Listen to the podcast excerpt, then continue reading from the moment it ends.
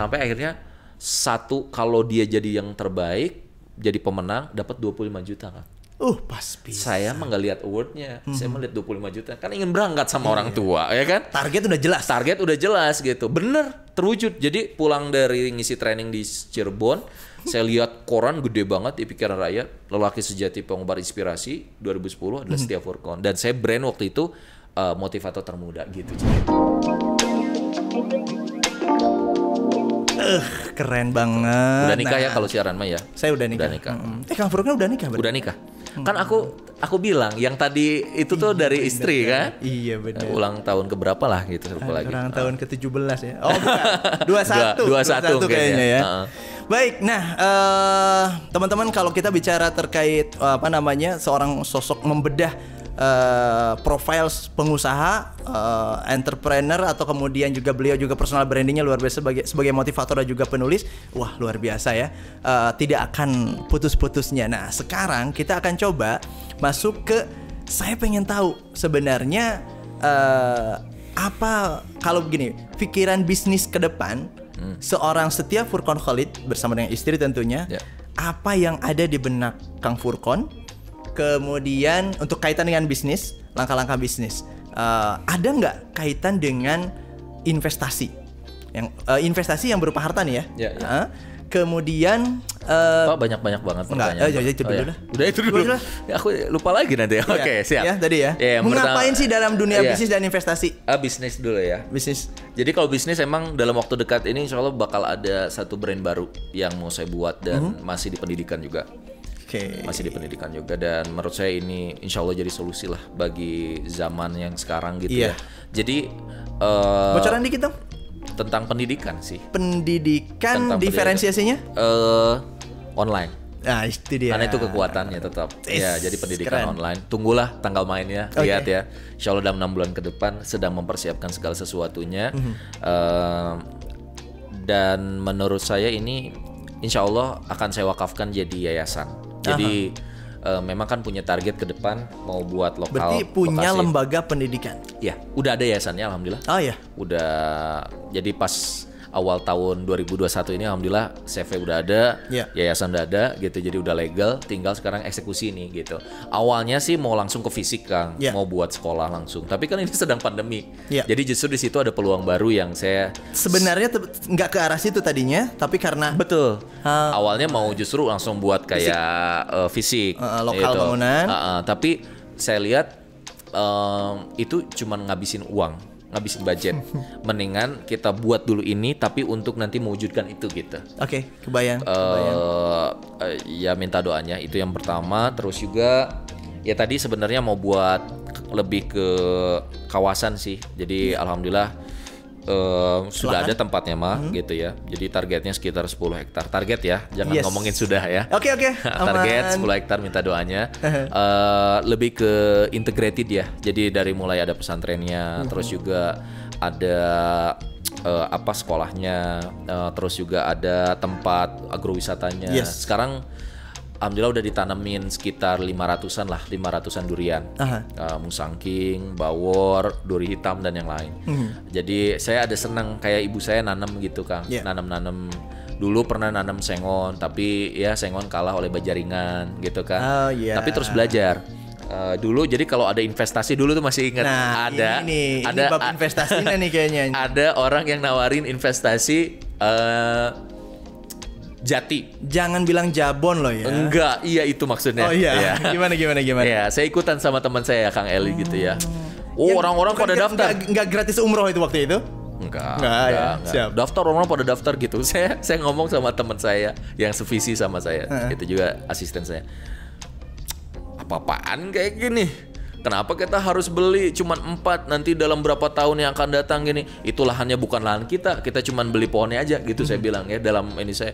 Udah kita main ke agro saya bilang gitu. Iya. Kita beli aja lahan. Alhamdulillah. Gambreng Ah, ah. Jadi saya waktu itu tahun berapa ya? Saya lupa lagi. Tuh udah rame-rame 2013 2014 Ah, berarti saya beli di di bulan di tahun-tahun itu saya beli sekitar berapa tumbak ya atau tumbak sorry 2000 meteran lah gitu 2000 ya. meteran. 2000 meteran Eh, saya tanemin tuh Kang tanemin waktu sengon Aha. gitu Uh, sengon tapi ya nggak terlalu ini juga. Goalsnya gitu, tadinya ya. mau dipanen tuh ya. Betul, Goals tapi udah udah udah dipanen. Dapat ya? Dapat. Ya minimal plus plus lah kalau kata orang Sundanya masih ini. Tapi yang gede ada sekarang tanahnya.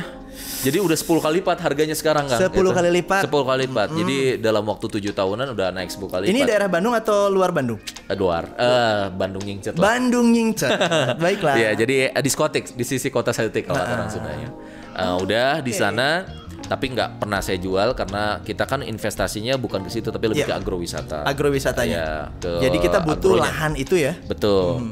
Ah, terus sekarang eh, nambah lagi kemarin gitu karena mimpinya lebih gede lagi ingin buat pesantren ya pokoknya integrasi banget lah mungkin 10 juga ada hektar itu lain. minimal lah ya. 10 Ya. hektar itu kemungkinan. Eh, tapi udah pas Blueprintnya udah katanya. Eh, alhamdulillah sekarang nih eh, kemarin setiap minggu itu kita rutin karena eh, saya langsung investasi Kawasannya udah kebayang. udah investasi ke arsitek untuk Ya. ngebuatin blueprint 10 hektar itu Ya. dari mulai masjidnya Ya. desain semuanya gitu karena kan gini eh, semakin kita dekat dengan mimpi semakin mudah kita meraihnya Yes. dulu aja saya nggak punya nggak bisa gambar aja cuman gambar Ka'bah bisa masuk Ka'bah Iya. gitu apalagi kalau kita bisa punya arsitek yang Iya. membuat kita makin jelas dengan bayangan itu gitu jadi Iya, betul. eh, sebenarnya mimpinya sederhana Kang ya tadi masalahnya gara-gara banyak cowok tuh nggak pada siap nikah Iya.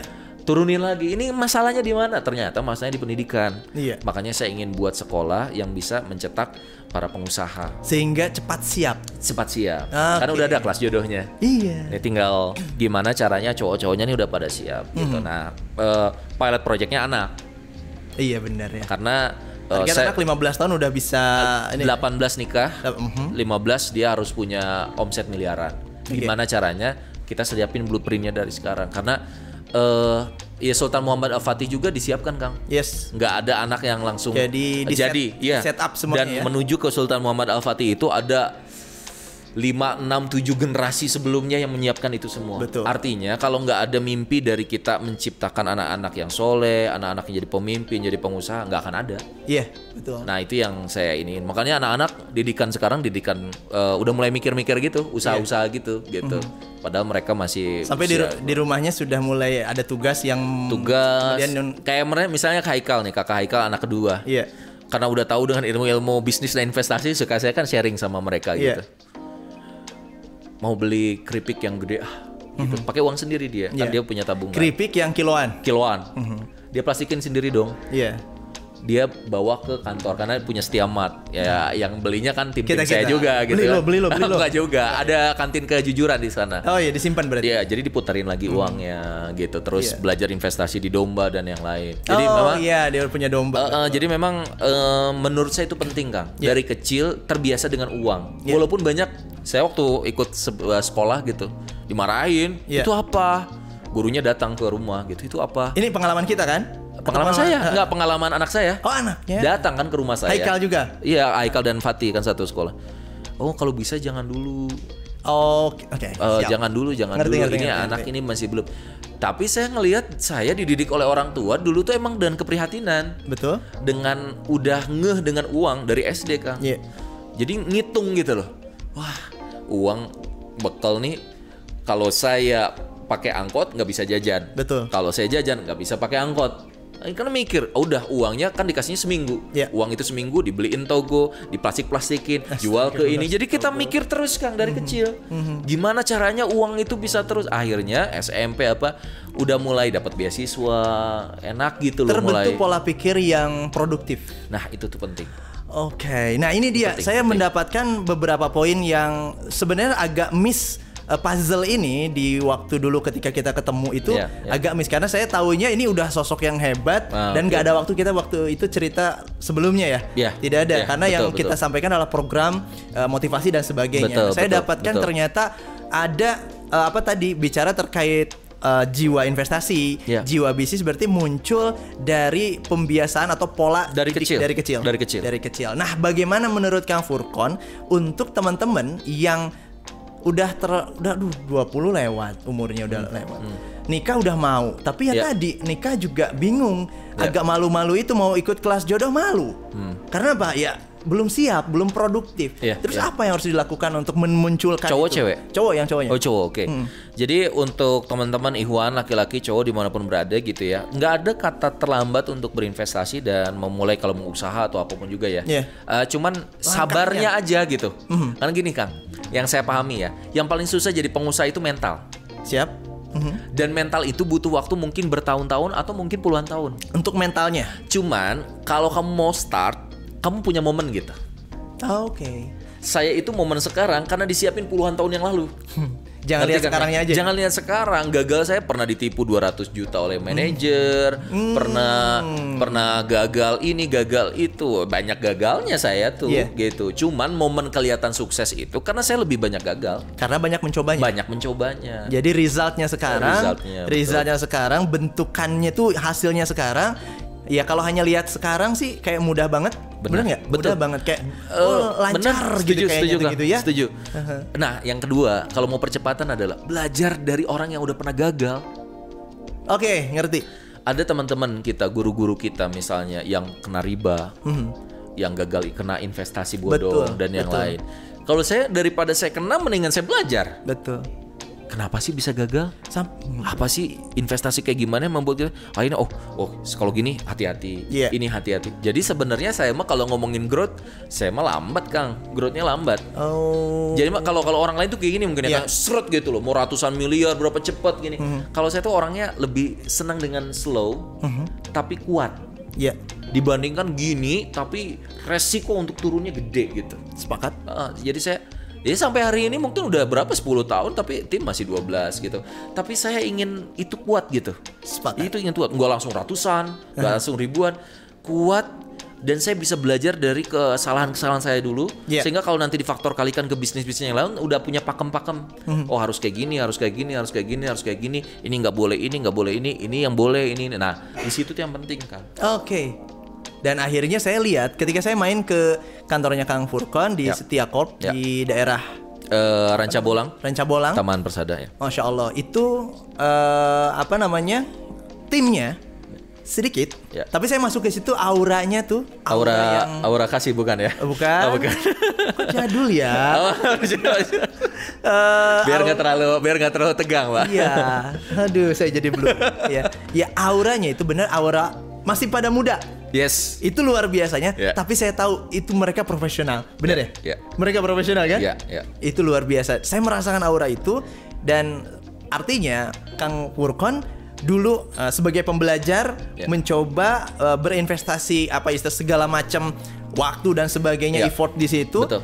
eh, menghasilkan diri sosok pribadi yang Ya. seperti sekarang betul akhirnya juga bisa memberikan men- mengkader orang. nah itu karena saya penempa orang kang kalau Ah, di iya. talent mapping atau di Steven misalnya saya Iya. itu ternyata kekuatan saya itu adalah developing Develop. atau pengembang eh, Oke. mengembangkan sesuatu SDM ya itu tepatnya Coaching ya. coaching mentoring jadi setiap pagi kita ada winning time kan Aha. setiap pagi kita morning briefing lah Iya. gitu ngaji bareng udah ngaji bareng terus kita ada motivasi kalau nggak Hmm. dari saya kayak tadi saya nggak ada berarti ada tim saya dan itu jadi sistem gitu Hmm. udah jadi kultur Eh, dan saya sering kali bisa jadi sejam dua jam tiga jam kalau ngomong sama mereka sama kayak training aja Hmm. Iya. dan bayangin mereka dapetin langsung dari saya setiap hari ya ca- cara habis dengan Oke. ilmu-ilmu saya tempa kan Kang. di tempat itu nggak enak gitu Tapi mereka asik kayaknya. ah dan yang lucu adalah saya lihat saya bilang gini ibarat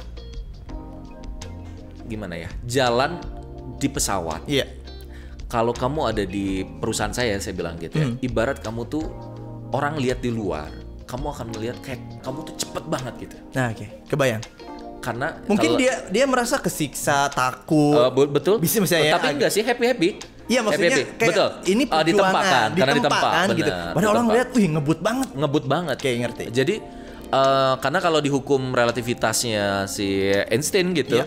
Ya itu kayak gitu mirip Iya. orang di luar melihat kamu itu cepet banget padahal sebenarnya nggak cepet kamunya biasa aja kamu mau Iya. ke toilet Dan eh, nikmatin aja, nikmatin aja. aja. cuman karena kamu ada di gerbong yang cepat Sepakat. kamu akan terlihat percepatannya makanya saya akan selalu bilang gini misalnya pernah lah suatu saat gitu cerita ini saya bawa eh, saya bawa tim ke Singapura. Aha. Teman saya juga bawa tim ke Singapura. Saya bawa timnya nggak banyak waktu itu, cuman berapa tiga orang lah gitu. Nah tim saya mau banyak, 10 Iya. orangan gitu. Keren saya bilang kan, berkeren. Tapi bisa kebanding kang. Pas datang itu, ini dia bawa istri hamil gitu. Harus masakin untuk 9 orang kan kita carinya buat apa backpackeran, Siap. ya kan di Oke. tempat pakai ini kapsul gitu yang asik-asik kan lah Tim gitu. kita gimana?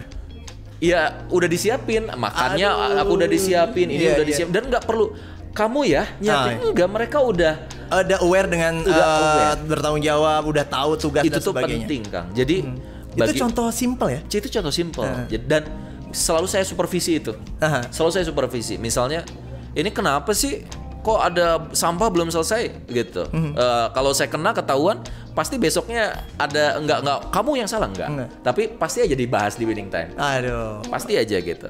Eh, ini tentang kebersihan nih. Mhm. Gitu. Gimana kita mau ini kalau ngobrol gitu, gitu. Ah, masya Allah, alhamdulillah. Kita panjang banget kalau Iya, ngobrol ya. iya, iya. Kemarin kita nggak kerasa satu jam. Sekarang tahu sekarang udah berapa jam? 40 menit. Masya Allah, alhamdulillah. Nah, Kang Furkon kita nggak bisa sekali, kita akan lanjutkan nanti boleh? Siap, siap, siap, Ah, siap. Oke, nah intinya bahwa saya dapat pelajaran teman-teman benar-benar harus menyiapkan diri dalam dua hal. Ya. Satu eh, ilmu, dua adalah kemampuan untuk terus mencoba atau kemauan untuk mencoba, betul ya? Ya. Betul. Ilmu dan kemampuan kemauan untuk mencoba. Hal tadi akan berakses kepada dua hal, kesuksesan bisnis Ya. dan tentu saja mendapatkan jodoh, melayakkan jodoh Iya, memantaskan. memantaskan diri untuk bisa mendapatkan Mendapatkan jodoh jodoh. terbaik. Kelas jodohnya Kang Furkon harus nampaknya harus lang- langsung dibuka sama teman-teman aplikasi kelas jodoh ya. Iya, betul. Eh, sekarang juga sedang pembukaan. Oh, Jadi iya. silakan karena kita nggak nggak tiap bulan buka, Kang. Oh, Dua oke. bulan sekali. Dua bulan sekali. Dua bulan sekali. Jadi- bulan ini sekarang sekarang Eh, terakhir sampai tanggal 10 ini. tanggal 10 oke 10, Februari. Ya, ditutup. boleh lah. Setelah itu nanti dua bulan lagi. Dua bulan eh, lagi. Tunggu eh, tunggu lagi. Ah, ah. Batch selanjutnya. Batch selanjutnya. Baiklah kalau begitu. Nah, teman-teman juga jangan lupa uh, terus ikutin uh, channel ini karena kenapa saya akan menghadirkan tokoh-tokoh yang luar biasa. Teman-teman saya juga uh, mungkin juga menjadi uh, bahan untuk kita bedah inspirasi kesuksesan bisnis dan investasinya. Kang Furkon dari kecil sampai besar sekarang luar biasa sampai Biasa di luar. Biasa di luar itu ya karena sering sering main ya investasi itu luar biasa. Sekarang hasil berinvestasi dari dulu dan bentuknya luar biasa banyak hal. Anda bisa juga em, menikmati experience yang Anda bangun sendiri dari pembelajaran Anda, dari Anda mencoba terus untuk menjadi pengusaha atau menjadi apa ya? Mencoba terus peluang-peluang yang ada di depan. Ya. Baik, itu dulu untuk episode kali ini teman-teman. Terima kasih. Mudah-mudahan teman-teman terus uh, menjadi pembelajar seperti yang Kang Forkon sampaikan dan inilah uh, sosok pebisnis yang luar biasa yang dibedah saat ini. Mudah-mudahan teman-teman mendapatkan banyak inspirasi. Saya Rudi Miftah, mohon pamit, undur diri. Terima kasih. Wassalamualaikum warahmatullahi wabarakatuh. Waalaikumsalam warahmatullahi wabarakatuh.